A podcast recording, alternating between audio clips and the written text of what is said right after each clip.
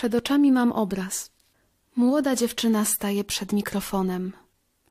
Drży jej głos i ręce, kurczowo trzymające gitarę. Jakiś poranny program. Nic specjalnego. Prezenter uśmiecha się sztucznie, klaszcze w wyuczony, beznamiętny sposób.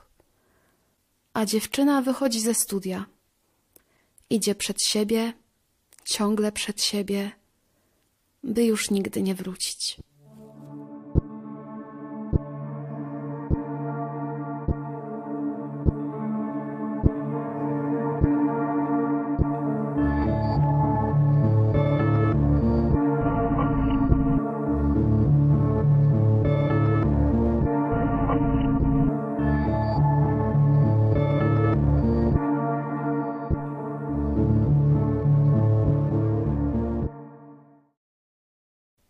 Elizabeth Eaton Converse urodziła się 3 sierpnia 1924 roku w mieście Laconia w New Hampshire w Stanach Zjednoczonych.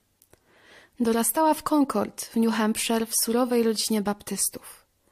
Jej tata był pastorem, a mama według historyka Davida Garlanda miała zdolności muzyczne. Elizabeth uczęszczała do Concord High School – była bardzo zdolną uczennicą, o czym świadczyły uzyskane przez nią na zakończenie szkoły nagrody, których było aż osiem. Uzyskała również stypendium naukowe z Mount Holyoke College. Jej brat wspomina ją jako erudytkę, jako osobę genialną. Mówi, że w dzieciństwie czytali razem Szekspira, wymyślali gry i zabawy, przepytywali się wzajemnie z historii. Zainteresowania dziewczynki były bardzo szerokie.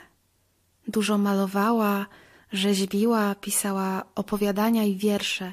Grała na instrumentach, na fortepianie i na gitarze. Jednak do głosu dochodziła także jej buntownicza natura. Ta wzorowa studentka po drugim roku studiów opuściła college i wyjechała do Nowego Jorku, żeby rozpocząć nowe życie. Zszokowało to nie tylko rodzinę Elizabeth, ale także jej znajomych i nauczycieli. Dziewczyna chciała żyć według własnych zasad. Środkiem wyrazu miała stać się muzyka.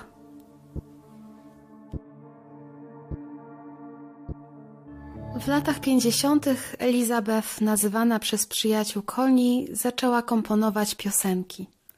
Co ciekawe, dziewczyna nie lubiła swojego imienia, nie akceptowała zdrobnień takich jak Liz czy Beth. Swojemu bratu Filipowi kazała mówić do siebie po prostu siostro. Piosenki koni były pisane na gitarę i głos. Często grała je swoim znajomym i przyjaciołom, jednak w głębi duszy marzyła o byciu usłyszaną przez większą publiczność. W tym czasie pracowała w dużej drukarni w Nowym Jorku, Academy Photo Offset – Rodzina nie pochwalała jej artystycznych zapędów i dekadenckiego według nich stylu życia, przez co rozumieli palenie papierosów i picie alkoholu. Koni napisała czterdzieści piosenek, wśród których były piosenki o miłości, feministyczne manifesty oraz piosenki napisane do jej ulubionych wierszy. W ten sposób dziewczyna stała się jedną z pierwszych songwriterek czyli artystów, którzy są sobie sami sterem, żeglarzem i okrętem, którzy sami komponują, sami piszą teksty i występują. Piosenki koni miały w sobie coś niezwykłego. Były spokojne, a jednocześnie przepełnione dziwnym smutkiem. Zauważył to Gene Deitch, ilustrator, reżyser innymi Toma i Jerego, który zmarł niestety kilka miesięcy temu, w kwietniu 2020 roku. Kiedy po raz pierwszy usłyszał twórczość koni, stwierdził, że oczywiście jest wiele lepiej śpiewających kobiet, ale koni ma w sobie coś wyjątkowego inteligencję, talent i piękno. W 1954 roku Koni nagrała kilka piosenek w domu Gina, dzięki któremu później wystąpiła w telewizji. To był jej pierwszy i ostatni występ na małym ekranie.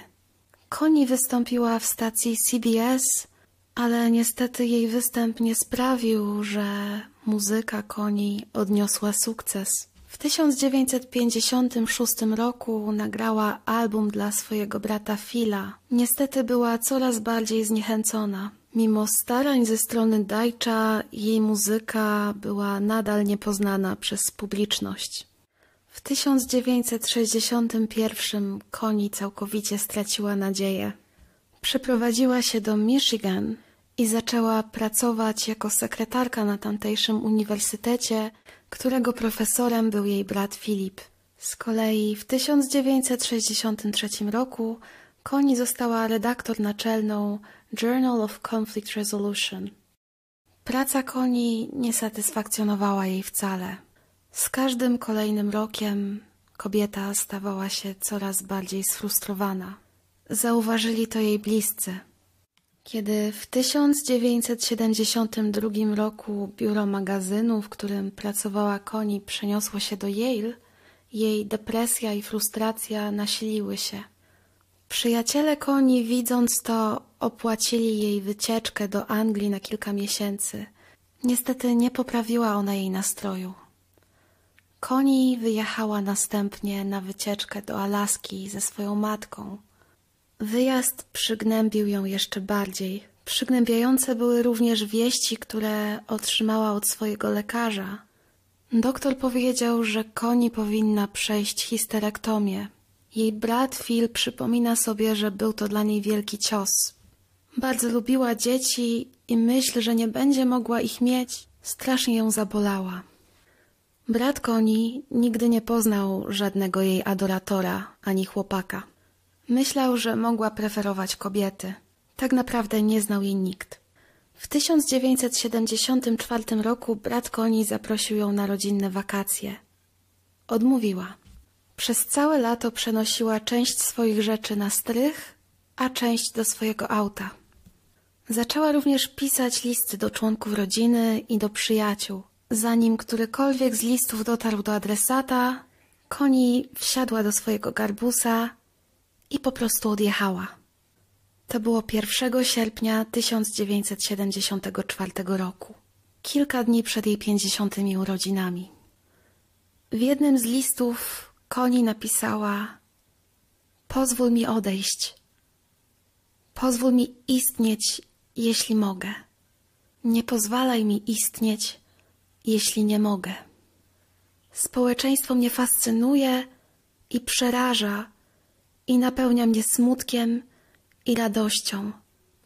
Po prostu nie potrafię być jego częścią. Koni jakby rozpłynęła się w powietrzu. Od dnia jej zaginięcia nie widział jej nikt. Nie odnaleziono ciała, ani wraku jej samochodu. Kilka lat po zaginięciu kobiety jej brat usłyszał, że w książce telefonicznej z Kansas City widnieje nazwisko Elizabeth Converse, co wskazywało na to, że mieszka tam osoba o tym samym imieniu i nazwisku co zaginiona. Jednak nigdy nie odważył się sprawdzić tego tropu, ponieważ uważał, że jego siostra odeszła z własnej woli i nie chciałaby, żeby jej szukał. Co prawda brzmi to trochę dziwnie, ale Phil tłumaczył swoje postępowanie pewnym wspomnieniem. Przyjaciółka koni z dzieciństwa odebrała sobie życie. Wiele osób potępiało ten czyn, albo przynajmniej wyrażało swój ból, ale koni powiedziała bratu, że nie odbiera tego w taki sposób. Uważała, że każdy powinien mieć prawo do decydowania o tym, czy chce żyć. Po dziesięciu latach od zaginięcia koni Phil wreszcie zdecydował się na zatrudnienie prywatnego detektywa, ale nie przyczyniło się to w żaden sposób do wyjaśnienia sprawy. Rodzina kobiety uznała, że pogodzi się z jej wolą, że pogodzi się z tym, że koni już nigdy nie wróci. Jednak jej historia nie kończy się w tym miejscu w czasie.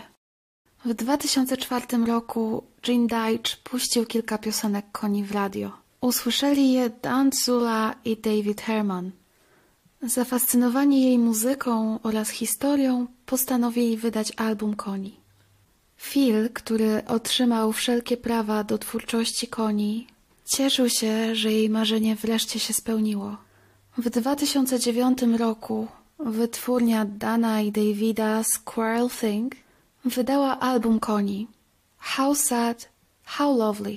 Tytuł ten zaczerpnięty jest z jednej z piosenek koni i znaczy jak smutno, jak cudownie.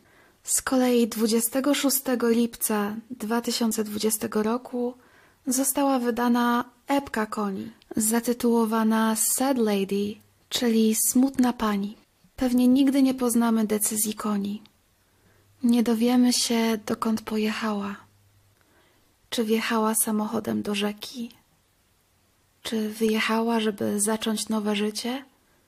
Nie chciała, żebyśmy wiedzieli.